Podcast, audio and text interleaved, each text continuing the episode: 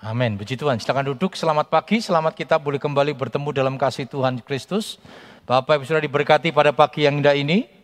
Amin. Allah yang kita sembah adalah Allah yang ajaib, yang luar biasa, yang boleh menolong kita semua. Puji Tuhan, sebelum kita dengarkan firman Tuhan, kita akan bersama-sama mendengarkan kesaksian dari Ibu Pendeta Riatun GPDI Kenteng ya, GPDI Kenteng Ketasan. Puji Tuhan, waktu dan tempat saya persilakan.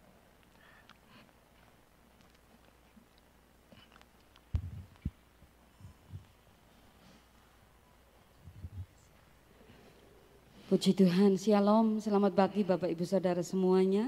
Tuhan Yesus memberkati.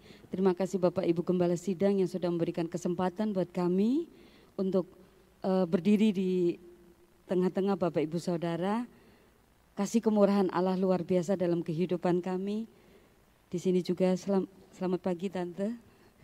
Beliau orang tua rohani dulu waktu saya pengerja, Tante Ruth Panjaitan. Puji Tuhan, Pelayanan kami ada di GBDI Gloria Kendeng di Sumogawe. Kemurahan Tuhan kami bisa buka pelayanan di sana sekitar tahun 97, 96 akhir.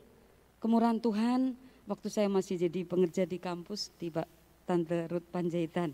Tuhan memberkati. Uh, oleh kemurahan Tuhan perjalanan yang begitu panjang dan begitu banyak tempaan dalam hidup kami satu hal yang saya dapatkan yaitu tetap bersyukur dalam menghadapi segala sesuatu. Goncangan ada dalam pelayanan, tapi kemulai kemurahan Tuhan sampai saat ini kami boleh ada. Dan kami boleh bersekutu bersama dan sampai saat ini oleh kemurahan Tuhan jumlah kami tidak banyak, tetapi ada kesehatian dalam kami. Dan kami bersyukur kami bisa melewati. Dan oleh kemurahan Tuhan pagi ini diberikan kesempatan oleh Bapak Ibu Gembala, Tuhan Yesus memberkati limpah buat beliau. Hanya, hanya kami hamba Tuhan beserta suami, suami kami juga gembala sidang di Boyolali. Dan seluruh jemaat yang ada tadi malam mendoakan Tuhan memberkati Bapak Ibu Saudara di tempat ini semuanya. Dan saya percaya uh, saat ini kami sedang pembangunan pastori. Ya saudara, dulu kami bangun pastori sedikit karena waktu waktu itu saya belum menikah. Setelah kami menikah, suami saya bilang, anak saya yang di ini di belakang dibilang, "Mami, kalau tidur di kenteng itu kamare ora ono, turune piye?" gitu. Itu. Lalu jemaat bilang, mereka bilang, "Kami rindu ada ruangan untuk sekolah minggu." Kami rindu ada ruangan untuk rumah doa. Itu beban kami. Bahkan pastori yang kami bangun ini sebagai rumah singgah. Karena apa yang kami miliki adalah semua dari Tuhan. Dan oleh kemurahan Tuhan, walaupun masih dalam masa COVID, dengan jemaat yang sedikit kami bersatu, kami bersama, eh, ada yang kasih semen, kirim 50 sak, ada yang kasih semen lagi, kirim 25 sak. Mungkin secara ekonomi mereka tidak lebih, tetapi ada hati untuk melayani Tuhan. Dan puji Tuhan kami hamba Tuhan apa yang ada. Bahkan terakhir anak barusan belum ada setengah tahun kami belikan sepeda motor Scoopy buat anak kami yang nomor dua. Dia bilang, mami, papi, enggak apa-apa ini dijual untuk melanjutkan. Dan itu pun memang belum cukup. Karena buat prinsip kami, eh, kami sama suami dan jemaat yang ada, setidaknya didak dulu. Ngedak karena ruangannya, tanahnya sangat luas, mestinya kebalikannya kita pakai bahasa positif gitu ya. Jadi mengerucut, om sudah perso, tante juga sudah perso waktu ke sana, mengerucut. Tapi kami bersyukur, saya bersyukur sama Tuhan dan apa yang kami sampaikan menjadi berkat karena tukang yang yang kerja di tempat kami adalah Buddha dan Hindu. Eh maaf, Buddha dan Islam. Tapi bahasa yang kami sampaikan bahwa apa? Hidup mengandalkan Tuhan. Dan mereka juga memperkatakan hal itu. Dan puji Tuhan, memang tadi malam saya sampaikan ketemu sama tukang, ini doakan saja Pak. Jenengan sudah pirso dari saya dari waktu saya perintisan. Bu, kita imani Tuhan tolong melanjutkan. Dan terima kasih buat kesempatan sekali lagi. Saya percaya Saya percaya dengan iman, bahkan dalam doa puasa rantai saya, saya sampaikan kepada Tuhan, kami tidak bisa membalas kebaikan Bapak Ibu Gembala di tempat ini dan seluruh jemaat yang ada, tapi saya percaya bahwa setiap apa pun yang diberikan buat pekerjaan Tuhan di GBDI Gloria Kendeng, Tuhan akan membalasnya berlipat kali ganda. Dan saya percaya saya kami bisa bangun itu karena Tuhan. Hanya karena Tuhan. Hanya karena Yesus dan itu saya sampaikan pada para tukang. Saya sampaikan bahwa Yesus yang kami sembah Allah yang hidup. Sebelum saya tutup kesaksian, jemaat bilang ini, Bu, fondasi keliling aja udah bersyukur. Dan puji Tuhan, sudah sampai bata naik kemurahan Tuhan. Nominal sudah hampir buat kami sangat besar buat kami. Hampir 75 juta itu belum selesai. Dan saya percaya, saya percaya dengan iman bahwa kalau kemarin sudah Tuhan tolong, pasti saat ini dan besok juga Tuhan tolong. Puji Tuhan, Tuhan Yesus memberkati, Bapak Ibu Saudara diberkati Tuhan. Terima kasih Bapak Ibu Gembala, waktu dan tempat saya serahkan. Ya, puji Tuhan kita akan terus dukung dalam doa, kiranya kasih setia Tuhan menolong pekerjaan Tuhan yang ada di Kendeng ya. Mari kita langsung saja akan bersama-sama menikmati firman Tuhan, tema firman Tuhan kita pada pagi yang indah ini bersyukur ya. Mungkin saya sudah pernah khotbahkan juga tentang mengucap syukur saudara ya. Dan pagi yang indah ini kita diingatkan kembali untuk kita boleh selalu bersyukur ya. Kita lihat 1 Tesalonika 5 ayat yang ke-18. 1 Tesalonika 5 ayat yang ke-18. Saya undang kita bangkit berdiri. Kita akan membaca ayat ini bersama-sama. 1 Tesalonika 5 ayat yang ke-18 kita akan baca bersama-sama. Dua, tiga, mengucap syukurlah dalam segala hal, sebab itulah yang dikehendaki Allah di dalam Kristus Yesus bagi kamu. Silakan duduk. Puji Tuhan ya. Ayat ini sudah sering kita baca, dikatakan kita diajarkan oleh kebenaran firman Tuhan untuk selalu mengucap syukur dalam segala hal, dalam segala keadaan. Mengucap syukur tidak ditentukan oleh situasi. Mengucap syukur tidak ditentukan oleh kondisi. Ketika kondisinya secara manusia baik, baru kita bisa mengucap syukur. Ternyata firman Tuhan tidak mengajarkan seperti itu. Firman Tuhan mengajarkan kepada kita untuk selalu mengucap syukur dalam segala hal. Ini bilang gampang yo gampang, dibilang angel yo angel. Saudara. Gampang kalau kita mau ikuti firman Tuhan sebenarnya gampang. Kenapa? Karena Tuhan kasih keku, kekuatan. Tetapi dibilang angel sulit ya sulit ketika banyak alasan yang kita munculkan untuk kita tidak mengucap syukur. Seringkali kan itu sudah ya. Alasan, ada banyak alasan untuk kita bisa mengucap syukur, tetapi ada banyak alasan pula untuk kita tidak mengucap syukur. Nah, sekali lagi mengucap syukur itu sifatnya opsional, sifatnya pilihan. Bapak Ibu Saudara bisa memilih mengucap syukur, Bapak Ibu Saudara juga bisa memilih tidak mengucap syukur. Tapi firman Tuhan mengingatkan, menegaskan kepada kita untuk mengucap syukur. Nah sekarang pilihan saudara apa ini? Mau sesuai dengan firman Tuhan atau tidak? Nah saudara, mengucap syukur next adalah menyatakan apa yang Tuhan kerjakan dalam hidup kita adalah baik. Kehidupan orang-orang percaya selalu ada ada dalam rancangan Tuhan. Kehidupan orang-orang percaya ada dalam kendali Tuhan. Ya. Contohnya Ayub.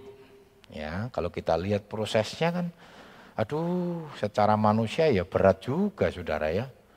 Tetapi kita lihat ya, Ayub nanti dalam kitab yang kita baca ya, bagaimana Ayub itu tetap mengucap syukur kepada Tuhan.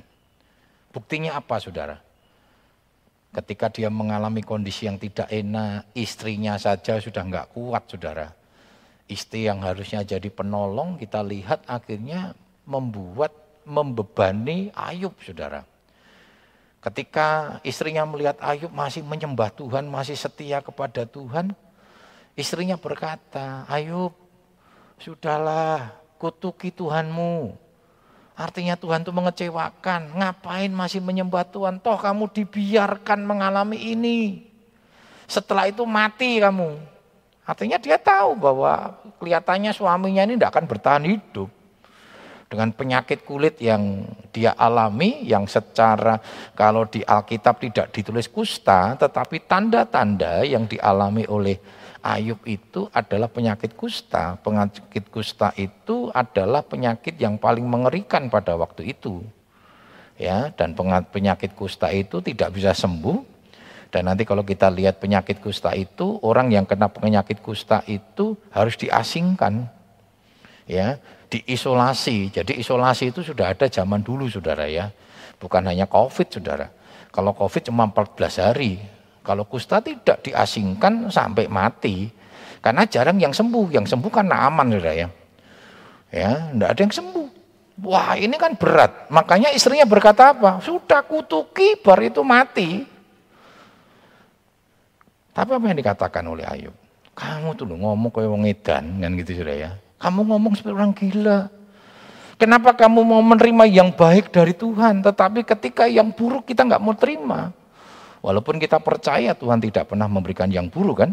Kalau kita lihat peristiwa yang dialami oleh Ayub kan bukan sesuatu yang buruk sebenarnya. Kalau kita lihat sepotong-sepotong buruk sudah. Tetapi kalau kita melihat rangkaian seluruh rancangan Tuhan tadi, skenario-nya Tuhan tentang Ayub ini kan Tuhan sudah mempersiapkan sebuah skenario untuk sesuatu yang lebih indah. Dan sampai hari ini kita mengenal kalau kita cerita Ayub selalu bilang berkat, ya kan gitu ya. Banyak orang mau pakai nama Ayub berkat, tapi tidak boleh lupa berkatnya Ayub itu walaupun Ayub diberkati sudah, dia sudah seorang yang di, yang kaya raya, tetapi dilimpahkan kembali oleh Tuhan dua kali lipat, saudara. Ya, saya punya temen anaknya dikasih nama Yemima. Kan itu anaknya Ayub ya. Terus dia ngomong gini, saya kasih nama Yemima supaya dia mendapatkan berkat seperti Ayub. Tapi saya tidak mau. Ujiannya Ayub. Wow, saya bilang ngawur gue saya bilang. Kalau mau siap nama Ayub dan pengen berkatnya Ayub berarti kita siap juga dengan ujiannya Ayub. Karena berkatnya Ayub itu hasil dari u ujian. Tidak boleh lupa. Kadang menungso sakarep udele dewi Saudara. Gelem berkate neng klaim kita tolak. Dalam nama Yesus ujian kita tolak. Ujian kita tolak. Wong Tuhan ngomong ujian itu menghasilkan ketekunan saya naik dewi menungso ya golek-golek dewi sakarepe dewi ya nah saudara kita lihat sama-sama kenapa kita harus mengucap syukur karena bersyukur itu kehendak Tuhan. Bersyukur karena itu adalah kehendak Tuhan. Coba kita lihat sama-sama dalam Kolose 1 ayat 9 hingga yang ke-10. Kolose 1 ayat 9 dan 10. Sebab itu sejak waktu kami mendengarnya, kami tiada berhenti-henti berdoa untuk kamu. Kami minta supaya kamu menerima segala hikmat dan pengertian yang benar untuk mengetahui kehendak Tuhan dengan sempurna sehingga hidup layak di hadapannya serta berkenan kepadanya dalam segala hal. Dan kamu memberi buah dalam segala pekerjaan yang baik dan bertumbuh dalam pengetahuan yang benar tentang Allah. Perhatikan saudara, firman Tuhan ini mengatakan kita ini harus terus belajar mengetahui kehendak Tuhan. Dan tadi dikatakan mengucap syukurlah karena itu yang dikehendaki Allah bagi kamu. Jadi mengucap syukur itu adalah kehendak Tuhan. Tuhan mau kita sebagai umat manusia selalu mengucap syukur. Kenapa? Karena dengan bersyukur kita berkata Tuhan itu baik. Apa yang Tuhan kerjakan itu baik. Dan yang utama kita harus belajar melakukan kehendak Tuhan apa pun alasannya. Ketika itu kehendak Tuhan, senang tidak senang, suka nggak suka sebagai orang percaya, kita harus melakukan kehendak Tuhan. Ingat Yesus sudah berikan teladan loh. Ketika dia harus menjalani jalan via dolorosa, jadi Tuhan itu sudah berikan teladan sama kita supaya kita juga belajar seperti Yesus. Dia tahu dalam keilahiannya proses yang akan dia alami dia tahu.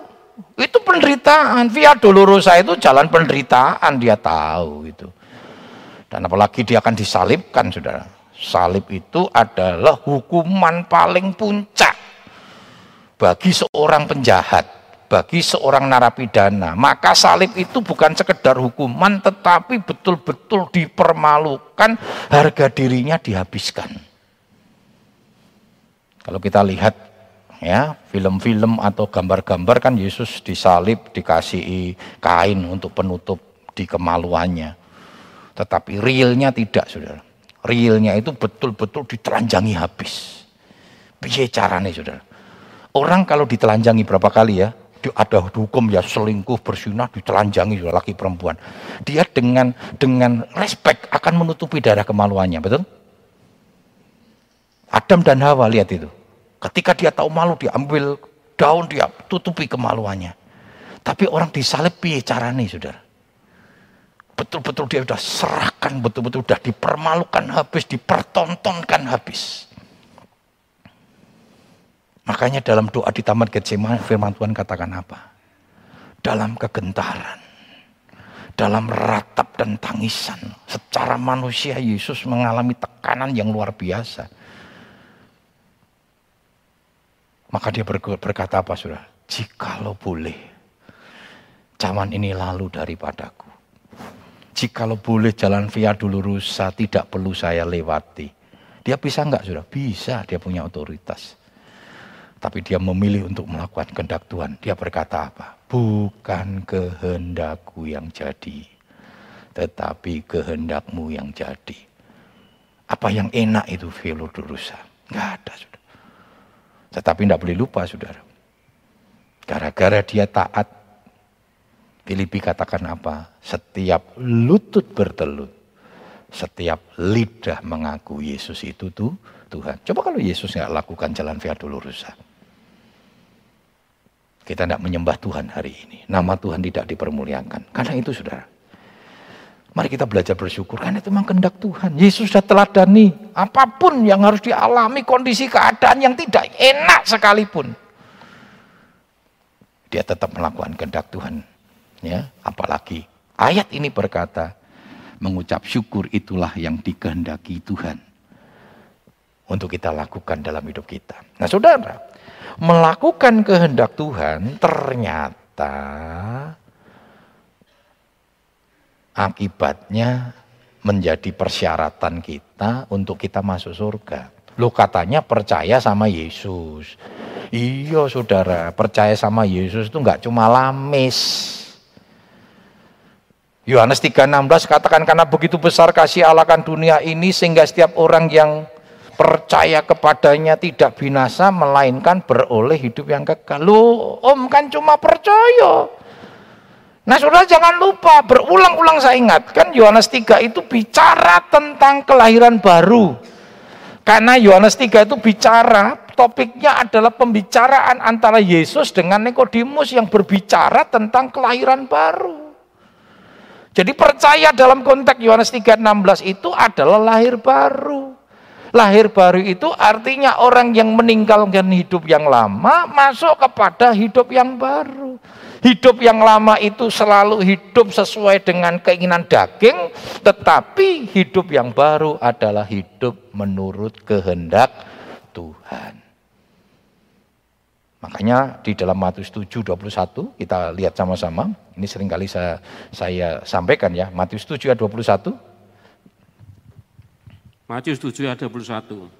Bukan setiap orang yang bersuruh kepadaku, Tuhan, Tuhan akan masuk ke dalam kerajaan surga, melainkan dia yang melakukan kehendak Bapakku yang di surga. Perhatikan saudara, keras sekali ayat ini. Ini memang disampaikan kepada nabi palsu saudara. Bukan setiap orang yang menyebut aku Tuhan, Tuhan. Haleluya, haleluya. Ini kali lupa.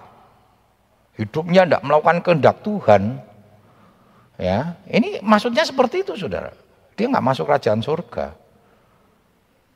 Saya pernah sampaikan hati ini kan, ayat 22 nanti kalau kita lihat, wah kita eh ora terima saudara waktu Tuhan ngomong begitu. Loh Tuhan aku nggak cuma berkata apa namanya, aku tidak hanya berkata Tuhan Tuhan loh, aku mengadakan mujizat demi namamu. Hati-hati saudara. Mengusir setan demi namamu. Mau bela diri. Tapi apa yang dikatakan Tuhan? pada pada hari itu aku berterus terang kepadamu, hei kalian pembuat kejahatan.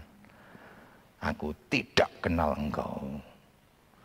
Kita eh melakukan demi Tuhan, tapi tidak hati-hati sekarang saudara. Banyak orang kelihatannya demi Tuhan, demi Tuhan. Ya, pengobatan alternatif sebelum minum banyu putih yang disembur sebut nama Yesus tiga kali. Yesus, Yesus, Yesus. Waduh, wirapalan itu saudara. Itu itu jimat namanya saudara. Enggak ada. Hati-hati. Jangan menyebut nama Tuhan untuk kepentingan pribadi. Masih ingat anak-anak skwewa saudara. Ketika melihat Paulus mendoakan orang kerasukan dalam nama Yesus, setan pergi, wedi saudara, setan nih. Karena memang kuasa Tuhan, otoritas Tuhan ada di dalam Paulus. Anak Skewa ini kan orang-orang memang ahli-ahli kaya apa namanya? dukun-dukun sudah anak dukun. Wah kok penak yo. Wah gimana kita ngusir damel dalam nama Yesus. Setane lungo, cuan, duit ini uang. Makanya ada orang kerasukan tujuh orang anaknya tumpang tangan sudah. Kita tenanan ya. Dalam nama Yesus yang disembah Paulus. Dalam nama Yesus yang dipuja oleh Paulus. Setan metu. Wah, setan ngekek. Hahaha. Sopo kowe. Paulus aku ngerti orang yang takut sama Tuhan punya otoritas Yesus aku kenal, aku wedi. Neng kue sopo. Uh, saudara Alkitab mencatat anak-anak kue dihajar sama orang yang kerasukan. Jangan lupa orang kerasukan itu bukan dia sudah. Kekuatannya dahsyat. Masih ingat satu orang kemasukan legion. Legion itu lima ribu. Bukan bukan dua ribu. Kenapa dua ribu? Karena babi ini rongewu. Nah saudara. Legion itu cuma jumlah pasukan 5 ribu. Satu orang saudara.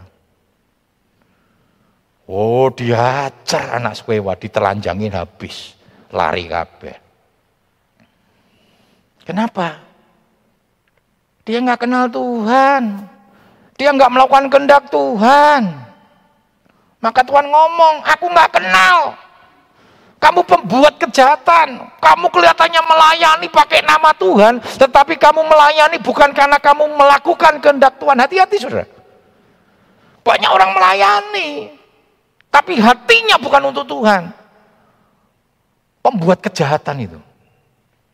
Kelihatannya melakukan aktivitas pelayanan. Berapa banyak kita hanya melakukan aktivitas pelayanan tetapi hatinya tidak melakukan kehendak Tuhan. Nggak bisa ditoto melayani karep-karep dagingnya sendiri. Enggak bisa, saudara. Kalau engkau ngikut Tuhan, kalau engkau melayani Tuhan, ikuti kehendak Tuhan, bukan daging kita. Berapa banyak kita marah sering kali ketika kita melayani. Karena daging kita enggak bisa dipenuhi. Kita ngarep melayani karep-karep ya dewi, sudah. Tidak seperti Yesus yang belajar merendahkan hati. Mengucap syukur ada kehendak Tuhan. Yang kedua, Bersyukur karena memiliki keyakinan kuat kepada Tuhan. Kenapa kita bisa bersyukur? Karena kita punya keyakinan kuat kepada Tuhan. Wes karepmu saudara. Contohnya di politik saudara. Kalau itu fanatisme saudara ya, bukan fanatik ya.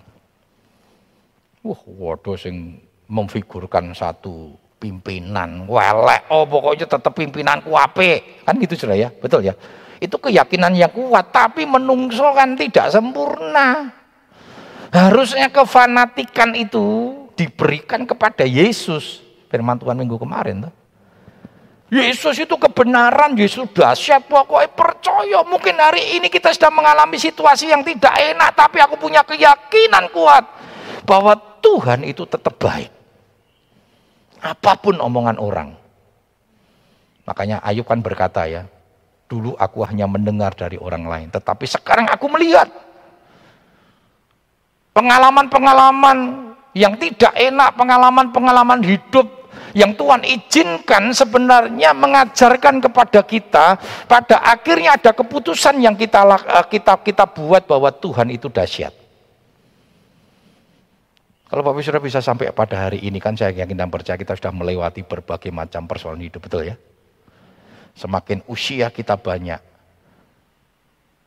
semakin banyak persoalan yang kita hadapi, betul? Aku eswida om, Cukuplah, orang ono saudara.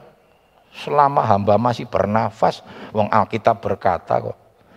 Kalau saudara nggak mau, ya nggak mau menghadapi jeri lelah hidup, persoalan hidup, ya ngebong.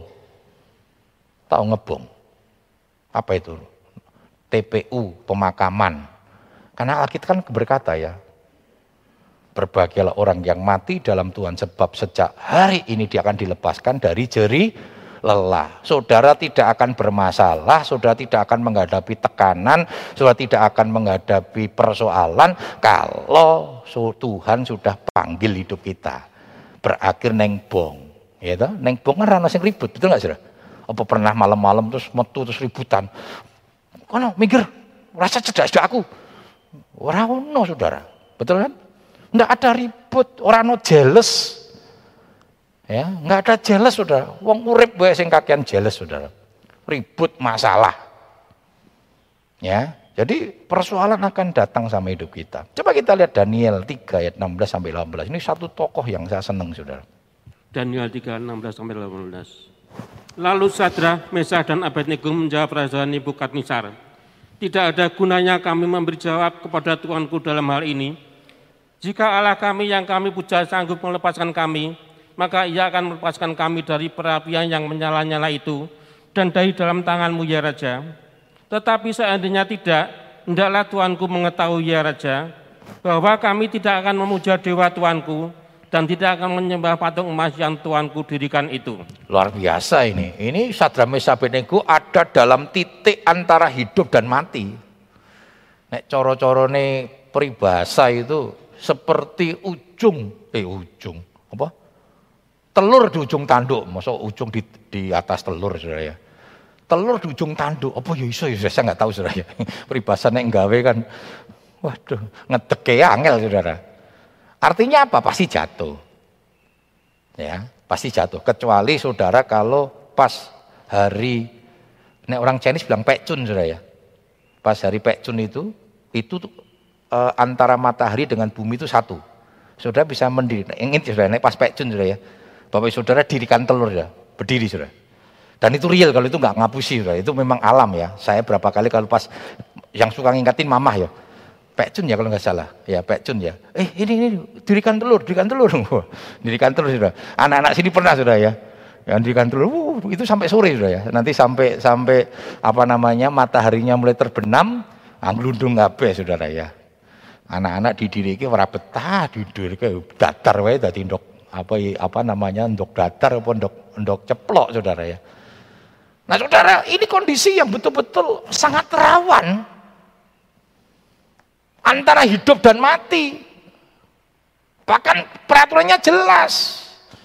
Orang nyembah dewa masuk dapur api, ndak ada orang dapur masuk dapur api. Wenak ya saudara. Ya, tapi apa yang dikatakan Dan dia tahu, dia kan dia tidak akan lakukan itu kok. Dia tidak akan lakukan itu. Tapi dia punya keyakinan yang kuat itu. Saya senang kayak wah ini saya sejak dari dulu muda sudah kalau membaca ayat ini tuh waduh bergairah betul itu. Dan ini menjadi semangat saya untuk tetap kuat di dalam Tuhan. Bukan hanya tantangan, bukan anak muda yang letoy, bentar-bentar, lebay. Sekarang anak itu kan lebay sudah. Enggak move on, stres, tinggal pacar wis patah hatiku jadinya bahan bawah pohon kamboja gantung diri saudara ya. Ceklek dahane wong tahan apa dahan kampung kampung apa uh, dahan pohon kamboja itu kecil ya. Tinggal pacar apa-apa tenang aja saudara. Nggak usah menangis karena cinta saudara. Menangislah karena kamu ditinggalkan Tuhan. Itu seperti Daud itu saudara. Jangan tinggalkan aku. Jangan tinggalkan rohmu. Jangan ambil rohmu dariku. Ya anak muda ini berkata Tuhan yang aku sembahkan tolong. Kalau dia mau tolong. Artinya apa? Dia terlalu percaya kepada kehendak Tuhan. Nek kehendak Tuhan nolong, nolong. Nek ora ya ora popo. Kenapa sudah dia berkata, walaupun Tuhan nggak tolong pun, aku tidak akan menyembah. Loh, luar biasa sudah ya. Kita kan sering kali nuntut sama Tuhan. Tuhan kenapa nggak tolong? Tuhan kenapa daganganku sepi? Aku kan cinta Tuhan. Aku kan rajin. Bayar perpuluhan. Janji iman ratau kosong. Wah hitung-hitungan baik Tuhan. Berapa banyak kita marah. Kita sudah lakukan, kelihatannya kita mencintai Tuhan. Tapi begitu nanti Tuhan kecentok di baik Tuhan. Wah hitung-hitungan. Suami istri model begini saudara ya. Wira cinta saudara. Uh, sudah melayani istrinya, suami dengan baik. Kecentok hitung-hitungan. Wih lho, dek, dek. Tresnoku kurang apa to, dek? Nek iso aku sing masak air, sing nyetrika yo aku, sing masak yo aku, ngedusi anak yo aku, kowe meng turu bedaan tok. Ini tidak mengasihi dengan tulus, saudara. Kalau mengasihi dengan tulus kecentok ya ora apa-apa. Kowe bedaan terus ora masalah. Aku yang ngeladeni terus. Aja hitung-hitungan sudah. Kalau kau melayani istrimu, istri juga begitu, sudah. Oh, mas, mas, kurang apa tuh mas? Ah, betul nggak sudah? Manusia sering kali kan kasihnya filio. Kasih karena timbal balik, bukan agape. Kalau agape itu kasih tanpa pamrih. Memang kadang manusia tidak, sering kali lebih filio sudah, pamrih terus. Tapi ini luar biasa sudah. Kenapa punya keyakinan yang kuat kepada Tuhan? Saudara kita harus memiliki keyakinan yang kuat kepada Tuhan. Dan percaya bahwa Tuhan tidak pernah merancangkan yang jahat. Ini keyakinan kuat kita. Sadra Mesabilku walaupun dia dibakar pun dia percaya kok. Itu kalau rancangan Tuhan nggak apa-apa. Toh dia harus mati mati syahid gitu sudah ya. Makanya betul dibuang dia ke dapur api. Dilihat orang mati ya sudah. Malah nyanyi-nyanyi. Uh. Lagu orang mudeng sudah, tapi dikatakan nyanyi sudah ya. Puji Tuhan. Terus dilihat, loh kok ada papat? Yang dimasukkan tiga kok jadi empat. Malaikat Tuhan, Tuhan kirim. Sampai sing lain coba panaskan tujuh kali. Tujuh kali loh sudah, bukan dua kali. Tujuh kali. Panas. Bukan panas umum sudah. Sampai yang memanaskan mati sudah. Daniel Sadra Mecapin bersuka cita. Ya. Kenapa? Karena dia punya keyakinan yang kuat. Dan akhirnya namanya luar biasa sudah. Betul? Coba kalau saja bisa ditantang waktu itu ya. Ayo, nyembah lah daripada mati nyembah. Saudara kalau baptis tak kasih nama Sadra protes saudara. Baptis kasih nama Mesak protes. Alah orang lebih. Moh, Om. Nah, sekarang kan bangga, Sadra Mesak Beniku. Salah anak-anak saya itu salah satunya kasih nama baptis Sadra Mesak Beniku saudara, walaupun di nama aslinya. Makin kuat. Ya. Yakobus 1 ayat 16 hingga 17.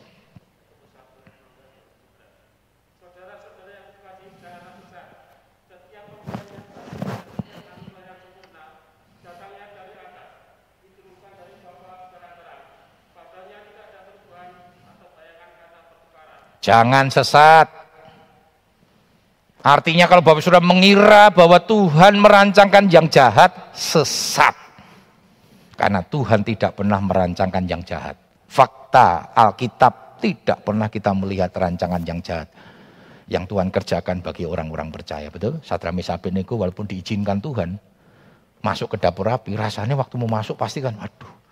Tapi Sadra Mesabeniku memilih percayalah bahwa memang Tuhan pasti toh andi kata dia harus mati pun mati karena Tuhan, untuk Tuhan. Termasuk nanti ada Daniel ya.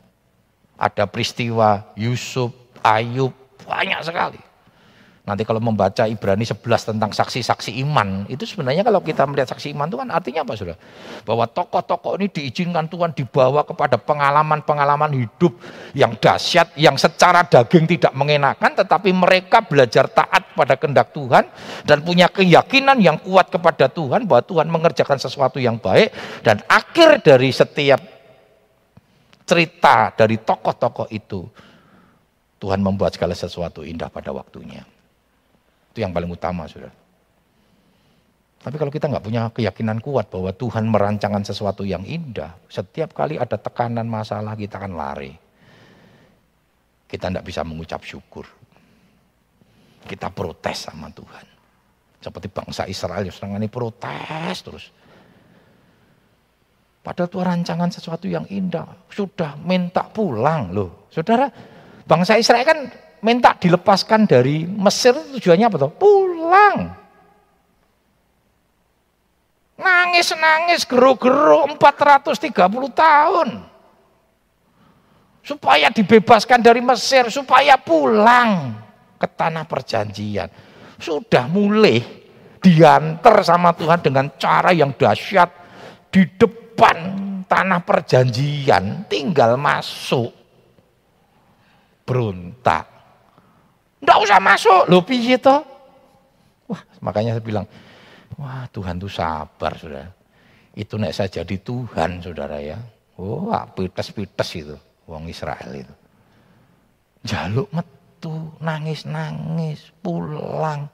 Sudah di depan pintu, ojo masuk, mati. Loh, Luar biasa tuh orang Israel. Tapi Tuhan kan luar biasa ya. Masih ya sudah dihukum, tetap dihukum sudah. Beredar-edar selama 40 tahun. Nanti masuk ke tanah Kanaan dengan cara yang ajaib. Kota yang pertama dilewati namanya Yeriko. Yeriko terkenal pada waktu temboknya. Kalau kita sering kali anak sekolah nyanyi tentang tembok Yeriko itu kenang tembok Yeriko itu terkenal kuat sekali. Tapi dirubuhkan Tuhan. Kita lihat ya sudah ya. Karena itu kita harus punya keyakinan yang kuat. Jangan sesat. Bahwa pemberian yang baik itu datangnya dari Tuhan. Yang ketiga, mengucap syukur dalam kelimpahan atau kekurangan. Seringkali kita mengucap syukur ini kelimpahan. Mengucap syukur kalau diberkati. Padahal di tengah peristiwa yang dialami oleh Ayub, Tuhan member memberkati. Di tengah peristiwa secara manusia itu sebuah penderitaan yang dialami oleh Yusuf, Tuhan tetap memberkati. Coba kita lihat Filipi 4 ayat 11 hingga 12. Ini statement yang dinyatakan oleh Paulus. Kukatakan ini bukanlah karena kekurangan, sebab aku telah belajar mencukupkan diri dalam segala keadaan Aku tahu apa itu kekurangan dan aku tahu apa itu kelimpahan. Dalam segala hal dan segala, dan dalam segala perkara tidak ada sesuatu yang merupakan rahasia bagiku.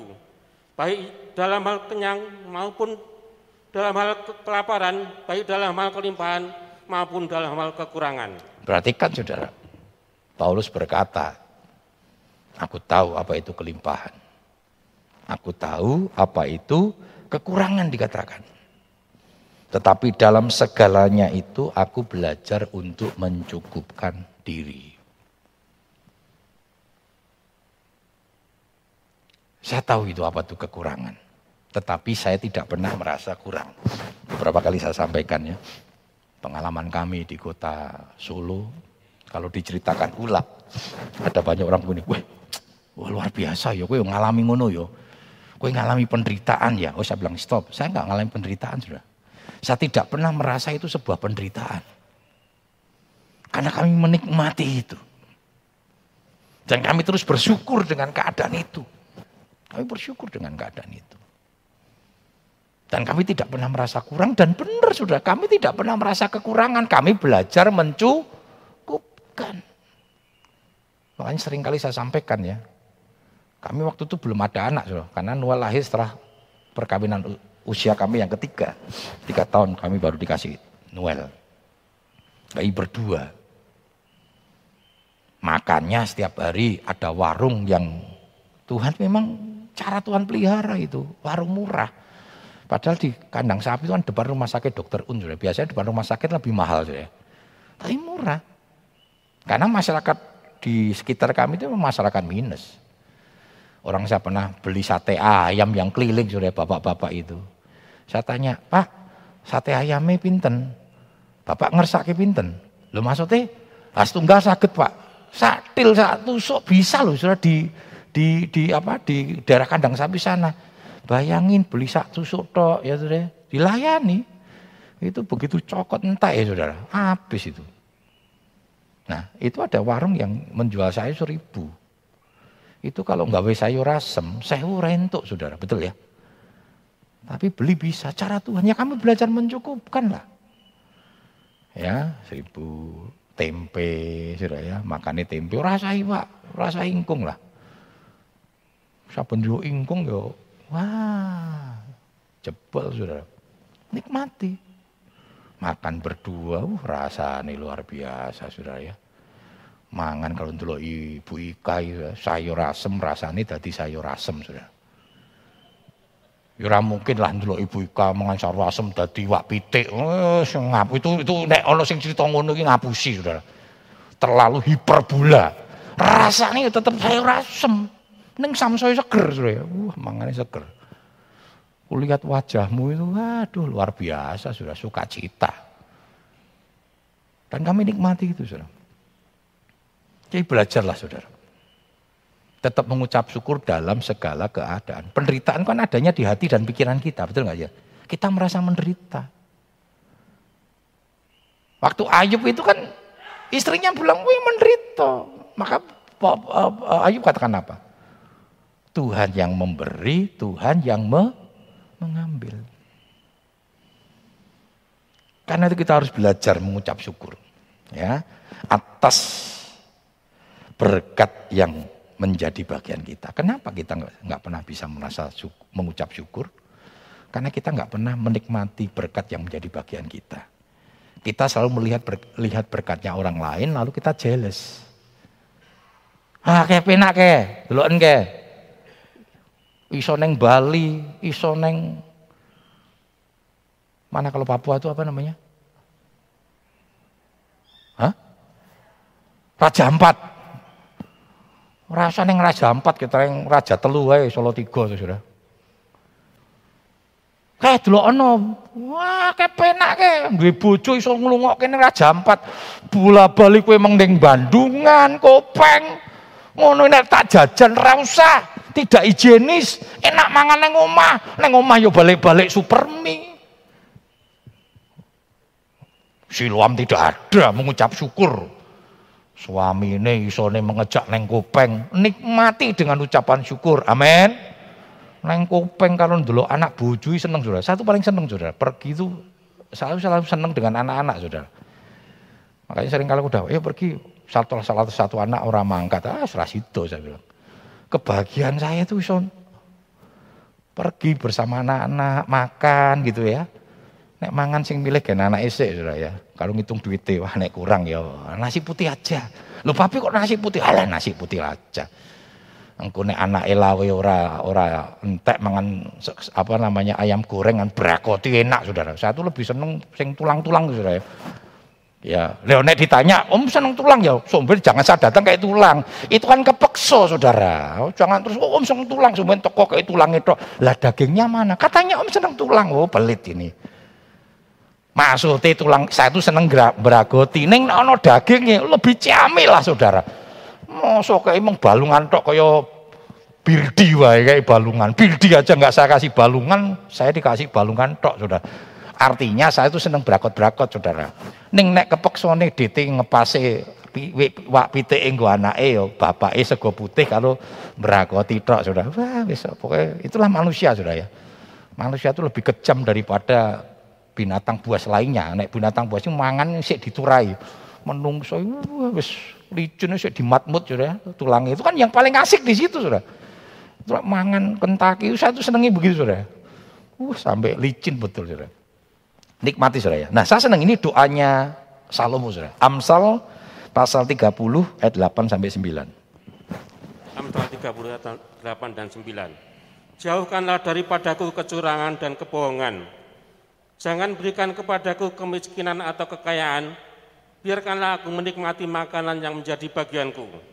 Supaya kalau aku kenyang, aku tidak menyangkalmu dan berkata, siapa Tuhan itu? Atau kalau aku miskin, aku mencuri dan mencemarkan nama Allahku. Luar biasa ya saudara ya. Ini doa ini Salomo saudara. Orang jaluk sugi. Tapi juga tidak mikak miskin. Supaya kalau kaya dia tidak sombong. Kalau miskin dia ngutuk Tuhan. Tapi apa yang diminta oleh Salomo? Bagiannya dia. Karena dia terlalu tahu Tuhan ngerti bagiannya dia. Yang terbaik untuk Salomo. Dan sudah tahu bagaimana bagiannya Salomo diberikan oleh Tuhan, sudah. Karena itu jangan minta bagiannya orang lain, sudah. Mintalah jadi bagianmu, nikmati bagianmu, luar biasa, sudah. Luar biasa. Mari kita berdoa itu. Saya tidak tahu apa yang menjadi bagian kita hari-hari ini. Apa pun yang Tuhan berikan dalam hidupmu, nikmati. Memberikan kekayaan sama kita itu menjadi bagian kita, nikmati. Memberikan suami atau istri kepada kita, nikmati. Sak bosen nih, hanya maut yang memisahkan. Amin. Amin suami istri. Ngorok pun rapopo. Ngorok asik kok saudara. Biarkan saja. Saya bersyukur saudara. Usah nikmati ngorok saudara. Karena Buika orang ngorok. Nah, saudara tanya sama Bu Ika aja, bagus ngorok enggak gitu saudara ya. Tapi saya katakan sampai hari ini saya tidak pernah mendengar bahwa saya ngorok saudara. Itu itu itu statement saya saudara ya. Soal saya dikatakan ngorok, ya saya belajar menerima saja. Walaupun saya masih ragu karena saya kan segala sesuatu harus dibuktikan saudara. Sampai hari ini saya belum pernah membuktikan dan saya belum pernah mendengar saya ngorok. Di video, eleh, editing banyak saudara, ya toh. Multimedia iso ngedit saudara ya. Tetapi saya menerima dengan sukacita kalau saya dikatakan saya ngorok saudara. Tapi Bu Ika kan nggak pernah protes. Ih, ngorok gue. Pes neng penghulu. Oh, saudara ya. Bubaran wae goro-goro ngorok. Kan enggak cucu saudara. Saya mau cerai kenapa ngorok? Katanya. Walah saudara, serepot saudara. Nikmati ya. Punya anak-anak nikmati. Wana sing bandel sing ngeyel sing nakal itu anakmu. Nikmati sudah doakan mereka. Tuhan izinkan kalau ada anak-anak kita sing bandel sing ini doakan. Jangan lepaskan anak-anakmu. Jangan buang anakmu. Jangan pernah sampaikan hidup-hidup hilang dok siji saudara dok larang kok ojo saudara itu anakmu saudara Bertanggung jawab, doakan. Jangan pernah lelah untuk mereka. Kalau ada anak-anak yang mungkin hilang, doakan, jangan pernah lelah. Itu bagian yang harus kita nikmati, yang harus kita pertanggungjawabkan di hadapan Tuhan. Mari eh, pagi yang indah ini kita belajar bersyukur. Bersyukur karena itu dikendaki Tuhan, bersyukur kan karena kita punya keyakinan yang kuat bersyukur dalam segala kelimpahan dan kekurangan kita, menikmati setiap apa yang menjadi bagian kita.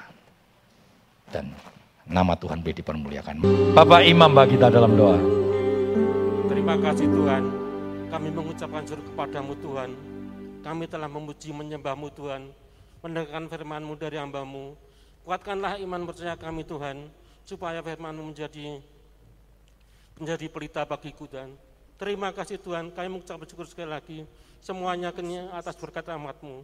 Terima kasih Tuhan. Amin.